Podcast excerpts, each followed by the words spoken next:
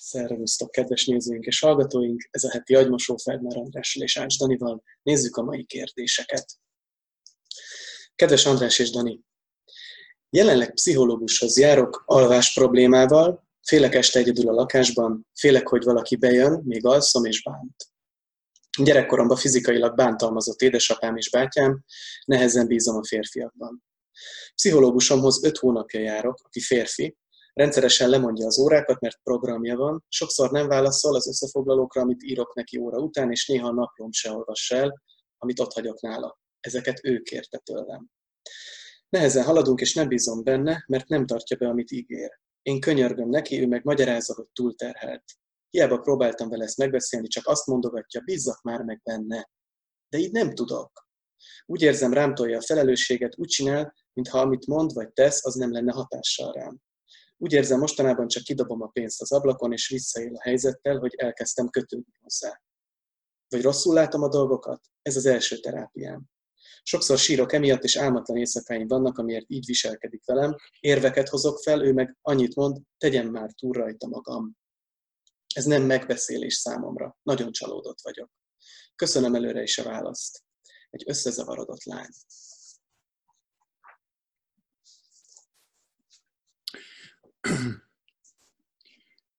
Hát nem, nem, nem könnyű nekem megérteni, hogy miért, miért kötődsz hozzá.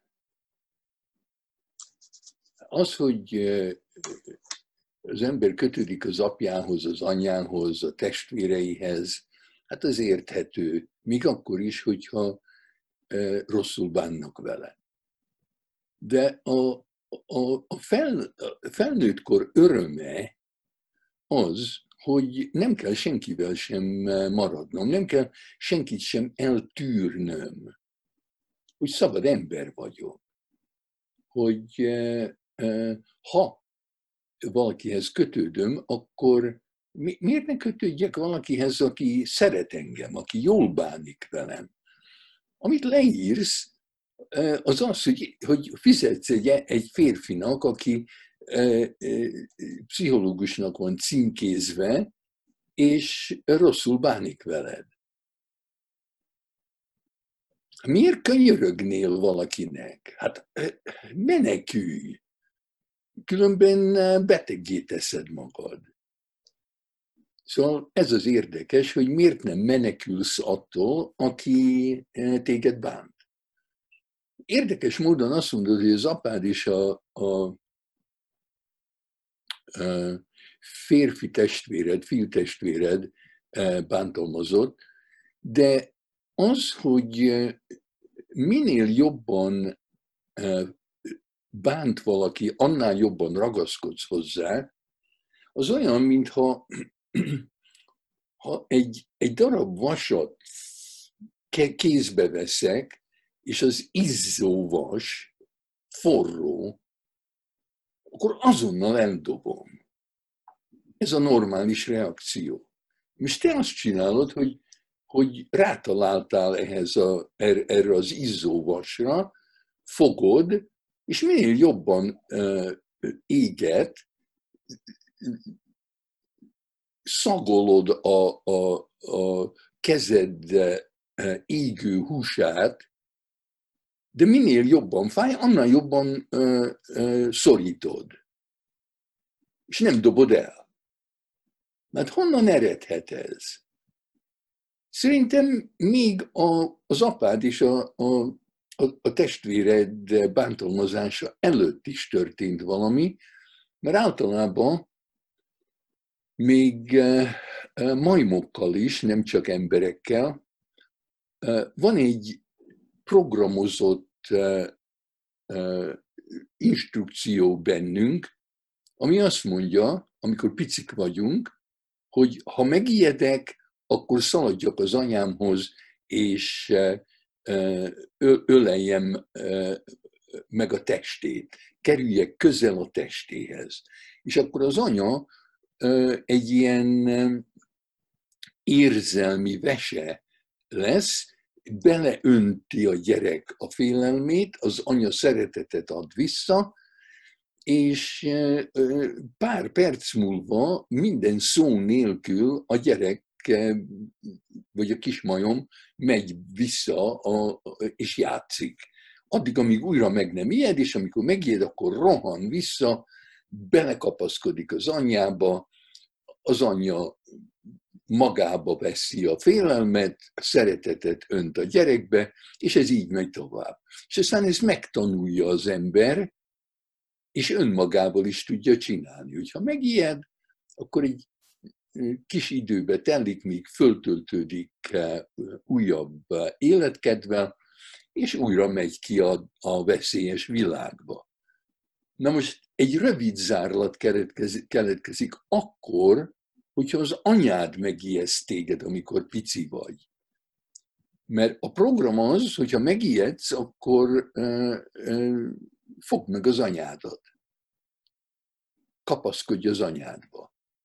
Mert az anyád ijeszt meg, akkor minél jobban megijeszt, annál jobban belekapaszkodsz. Mert ha az anyád megijeszt, akkor hova menjél? Nincs hova menni. És akkor van ez a rövid zárlat. Tehát szerintem az, hogy minél jobban bánt valami, annál jobban ragaszkodsz hozzá, vagy könyörögsz neki, ahelyett, hogy rohannál, eh, menekülnél, az lehet, hogy onnan jön, hogy az anyád ijesztett meg, mielőtt még az apád és a, a testvéred bántalmazott volna. Na hát ez lehet, hogy nem fog segíteni, de uh, amint megszabadultál uh, a jelenlegi terapeutától, kereshetnél magadnak valakit, aki, aki megbízható, nem megbízhatatlan. Az, aki azt mondja neked, hogy bízzál meg bennem, az valószínűleg egy gazember, mert, vagy hülye, mert, mert először is nincs izom hozzá, ez nem egy, ez egy, egy bízzál meg bennem, oké, okay, hanem az egy folyamat, és van úgy, hogy évekbe telik, míg valaki meg tud bízni valakibe. Tehát ez nem lehet sürgetni. Minden használt autó salesman, aki, aki használt autókat árul, azt mondja a, a kuncsafnak, hogy hát bízzál meg bennem.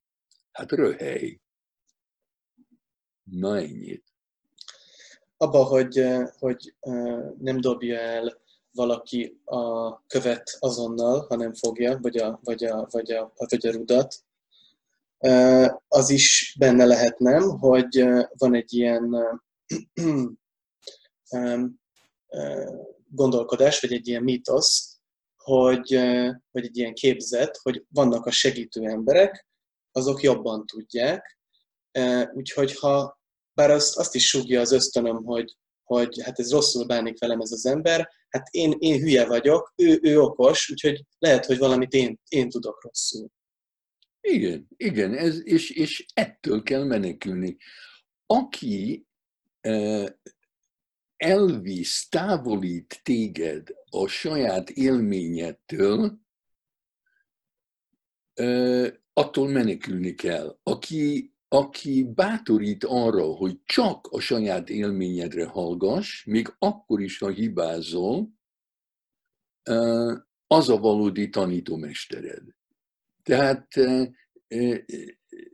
ő neki arra kéne bátorítani téged, hogy menekülj tőle, ha menekülni szeretnél. Még akkor is, hogyha ő egy, egy jó ember.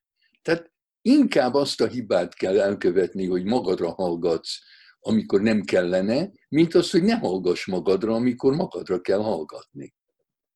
Tehát jobban a hosszú távon többet tanulsz abból, ha mindig magadra hallgatsz, és hibázol is, mint ha mindig valaki másra hallgatsz, és soha nem teszel hibát. Tehát magaddal kell jóban lenned, mielőtt jóban vagy bárkivel. Akkor nézzük a következő kérdést, melynek tárgya Színház az egész világon. Kedves András és Dani, sziasztok! Nagyon sokszor monitorozom magamat, és szinte minden élethelyzetben arra figyelek, hogy szép legyek, vonzó, izgalmas, különleges, érdekes társaság, mintha állandóan Tetszenem, tetszenem kellene valakinek, vagy mindenkinek. Nehezemre esik csúnyának lenni, vagy furcsának, vagy kellemetlennek látszani. Ugyanakkor valamiért azt érzem, hogy nagyon érdekel a színészet. Szívesen látnám magamat színpadon. Gyerekkorom óta foglalkozom amatőr színjátszással, de egy színész nem lehet mindig szép, van, hogy igazán csúnya, állatias, őrült, gyenge, kifordult állapotokat kell előidéznie, vagy megmutatnia a közönségnek. Nekem olyan, mintha a metrón ülő emberek, a kollégáim, egyetemista társaim, stb. mind-mind a közönségem lennének. Nekem pedig tetszenem kell nekik. Időnként visszafogom magamat, a viselkedésemet, félek, hogy elveszítem a varázsomat, de nem érzem azt, hogy teljesen teljes lennék. Olyan érzés, mintha csak 60%-omat használnám ki, és szeretném, hogy néha 100%-on tomboljak. Bátran. És legyek az a csúnya, vagy furcsa, vagy ami épp jön. Mi állhat ennek hátterében? Hogyan tudnék változni és változtatni? Nagyon kíváncsi vagyok a válaszatokra. 21 éves lány vagyok. Köszönöm. I. Hát érdekes, mert szerintem már, már tudod is a választ a kérdésedre.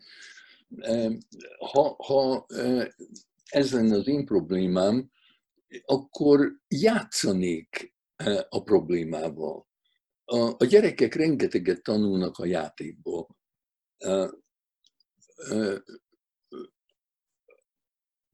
A, a játékban megengedheti az ember magának, hogy nem fontos a konzekvencia. Úgyhogy ha játszom, akkor, akkor lehet, hogy sikerül, lehet, hogy nem sikerül, de ha így játszom, akkor így érzem magam, ha úgy játszom, akkor úgy, és akkor sok mindent meg tudok tanulni. Na most,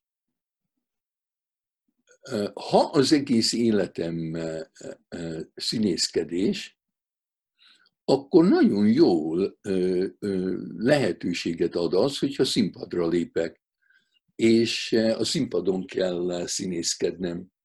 És akkor játszatok azzal, hogy mi a különbség a színpadon színészkedni, és az életemben, amikor nem vagyok a színpadon színészkedni. És esetleg, ha tényleg megtanulok jó színésznek lenni a színpadon, akkor megengedhetném magamnak, hogy ne színészkedjek, amikor nem vagyok a színpadon.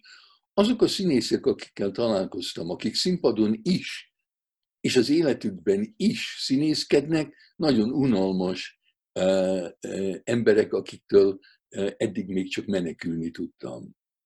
Mert aki színészkedik velem, amikor nem vagyunk színpadon, az arra késztet engem is a másikat, hogy én is színészkedjem vele.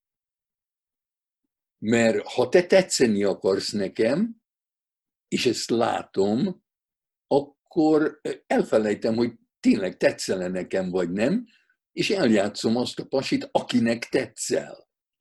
És akkor mi van közöttünk? Semmi. Én se tudom, hogy tetszem-e neked, mert az téged nem érdekel. Valahogy úgy beszélsz, mintha az abszolút nem lenne egy probléma, hogy téged ki érdekel, hogy neked ki tetszik,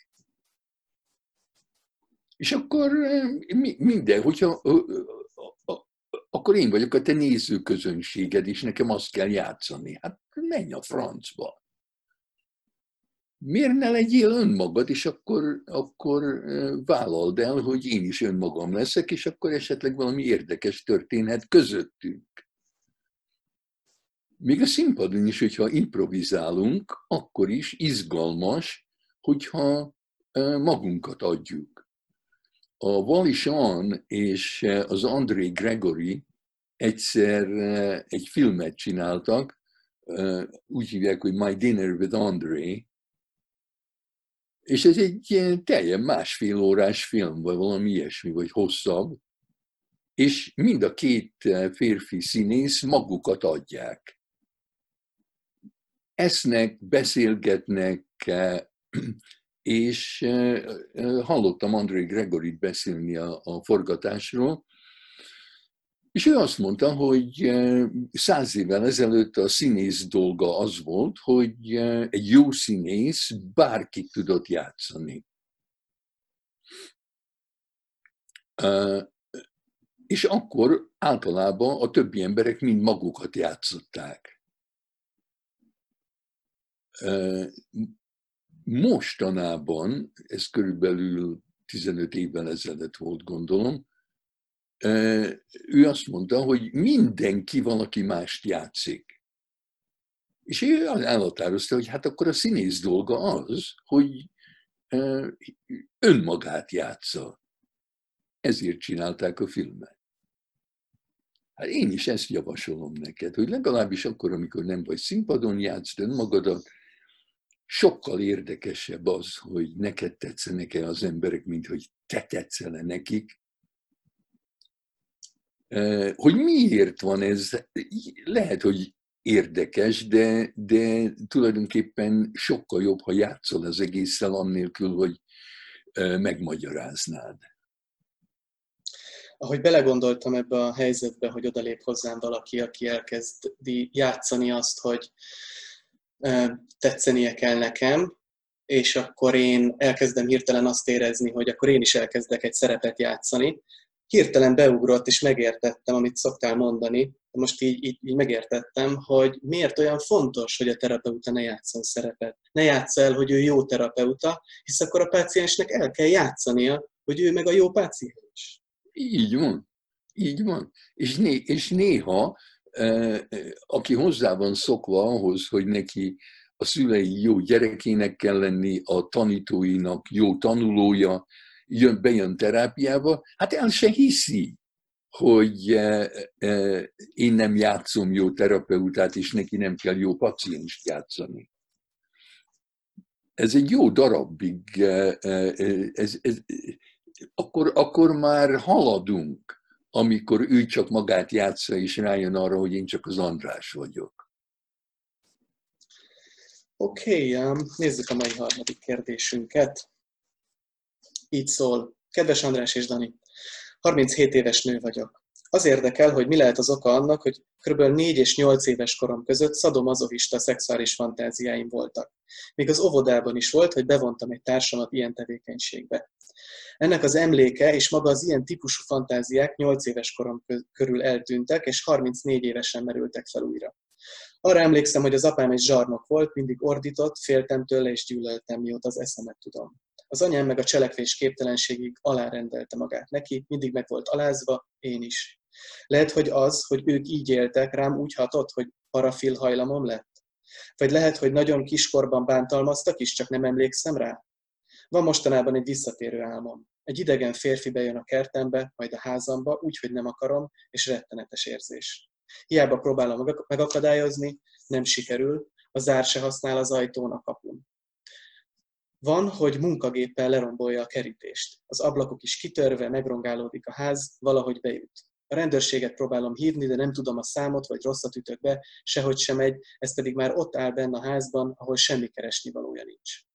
Sokáig azt hittem, hogy ez arról szól, hogy félek együtt élni bárkivel, ez így van, de a napokban gondoltam rá, hogy esetleg a ház jelentheti a saját testemet is. Próbálom megfejteni ezt az egészet, köszönöm, ha megosztjátok velem, hogy mi jut eszetekbe mindenről. A.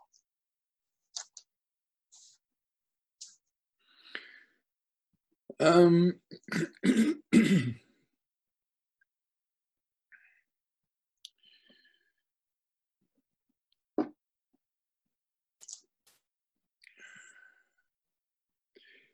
te is játszol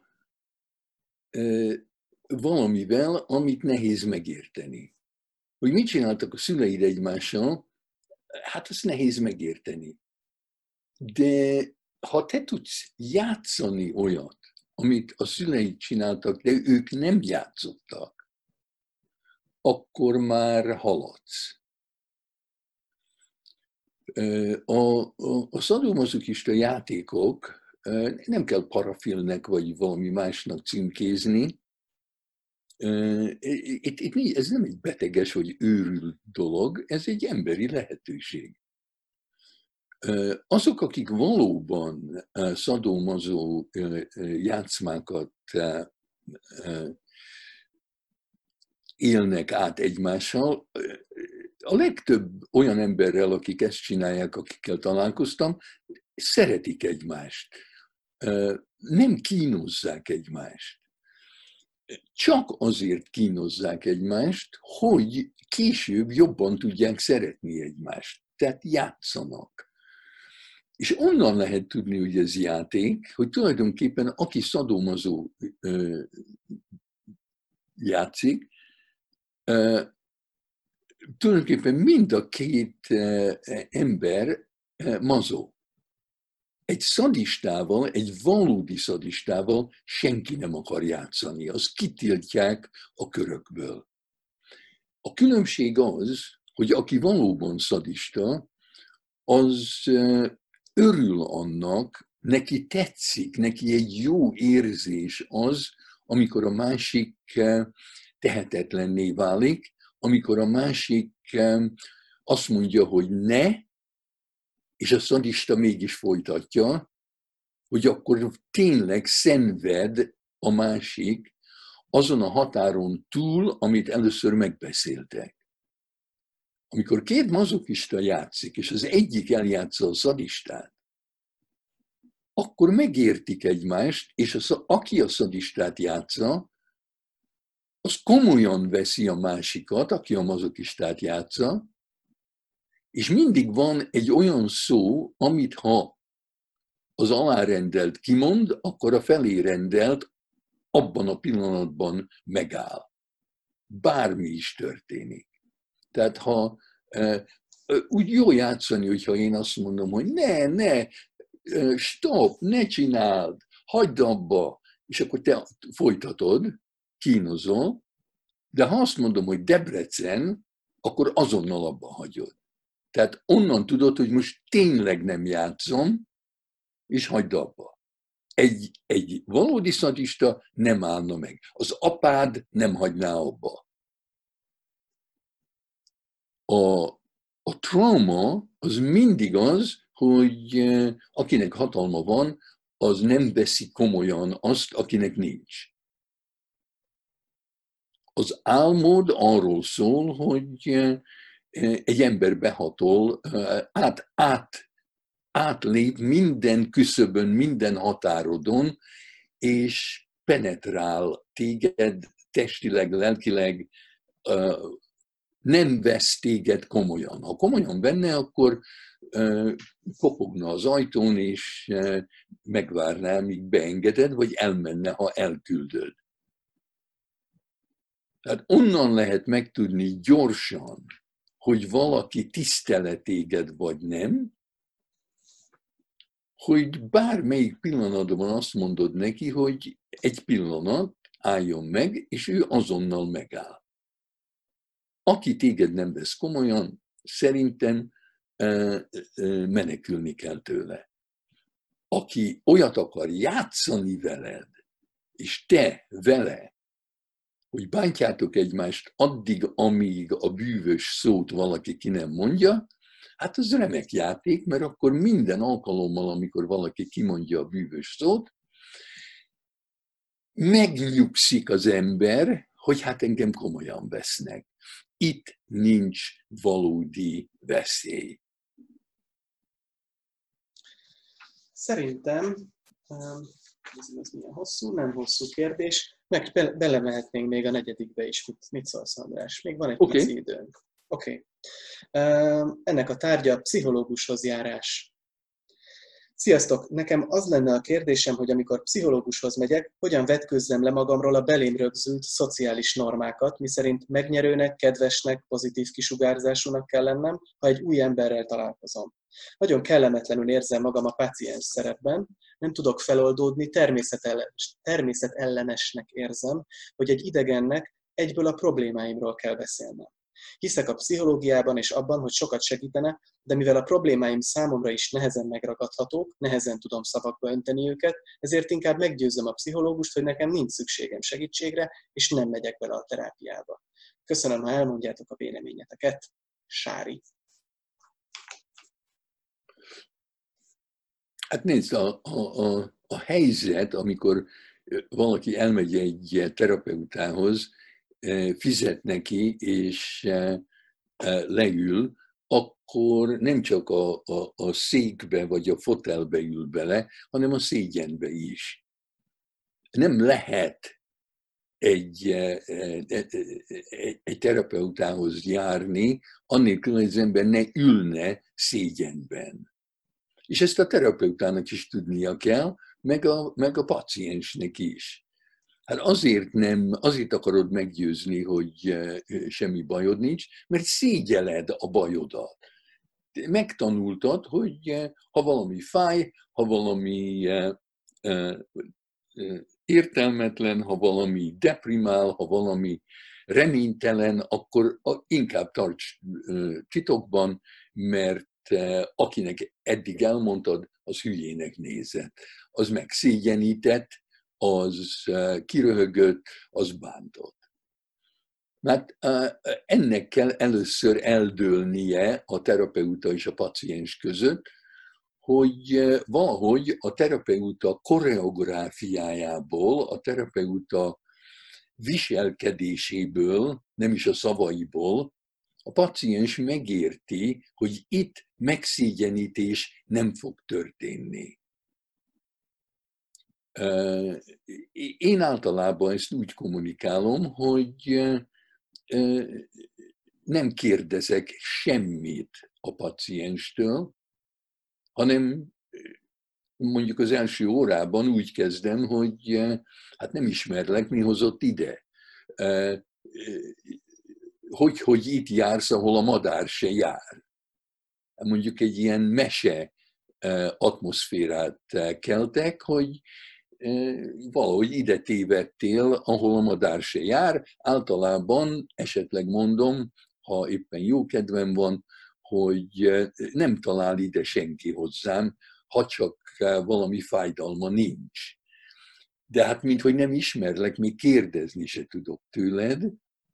Úgyhogy örülök, hogy itt vagy, és a labda a te kezedben van, csinálj vele, amit akarsz.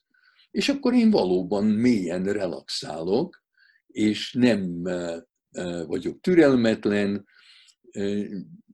Ez egy régi sztori, hogy volt olyan paciensem, aki kb. három hónapig járt hozzám kétszer egy héten, és egyetlen szót nem szólt hozzám. Én csak figyeltem rá, én csak vele voltam. Tehát én nem sürgetek senkit, ez, ezután a, a, a, szavak után én, én nem kérdezek. Nincs, nincs kérdőív, amit ki kell tölteni, nem én vagyok a főnök, attól a pillanattól kezdve a paciens vezet, én követem, vagy mellette vagyok. Nekem a kíváncsiság, ha én kíváncsi lennék, azt a kíváncsiságot szeretetből megtartom magamnak. Ez, ez nem, egy, nem egy randi, ahol elengedhetem a kíváncsiságomat. Ez, ez, ez terápia, ami azt jelenti, hogy a kíváncsiság is egy vágy, és a paciens nem azért jön hozzám, hogy teljesítse az én vágyaimat. Úgyhogy az az ellenállás, amiről te beszélsz, hogy gondolod a, a, a, a terapeuta várja, hogy kitállald a problémáidat, hát akkor ez már, már ellenállsz annak nagyon helyesen, mert ő ne várja, hogy te kitállalsz bármit. Amikor, amikor valamit mondani akarsz, akkor mondd azért, mert most éppen te akarod mondani. És ha arról beszélsz neki, hogy milyen nehéz neked kimondani azt, ami neked fáj, akkor már haladtok, mert a kérdés az, hogy milyen helyzet volt az életedben, amikor esetleg könnyedén kimondtad, hogy mi volt a baj, de úgy válaszoltak rá, hogy csak fájdalmat okoztak neked, és mire odaértél ehhez a terapeutához, addigra már automatikus neked, hogy szégyeled magad, mert megszégyenítettek, és akkor tulajdonképpen, ha szimpatikus a terapeuta, akkor meg kell kockáztatnod, hogy mondsz valamit, ami neked fájdalmas, és ha tényleg valami olyasmit mond, hogy nem vesz téged komolyan, és hogy tedd magad túl rajta, az előző kérdésben, hát akkor azonnal állj föl és menekülj. De ha nyitva marad, és nem okoskodik, és ad neked időt, és érzed, hogy együtt érez veled, hát akkor egyre könnyebb lesz, és ki tudsz majd kászálódni abból a szégyenből, amit hoztál a, a, a szobába. Köszönöm, engem is, hát engem meghatott a viselkedésed, András, ebben a válaszban. Hmm. Köszönjük szépen, legközelebb találkozunk, folytatjuk. Sziasztok!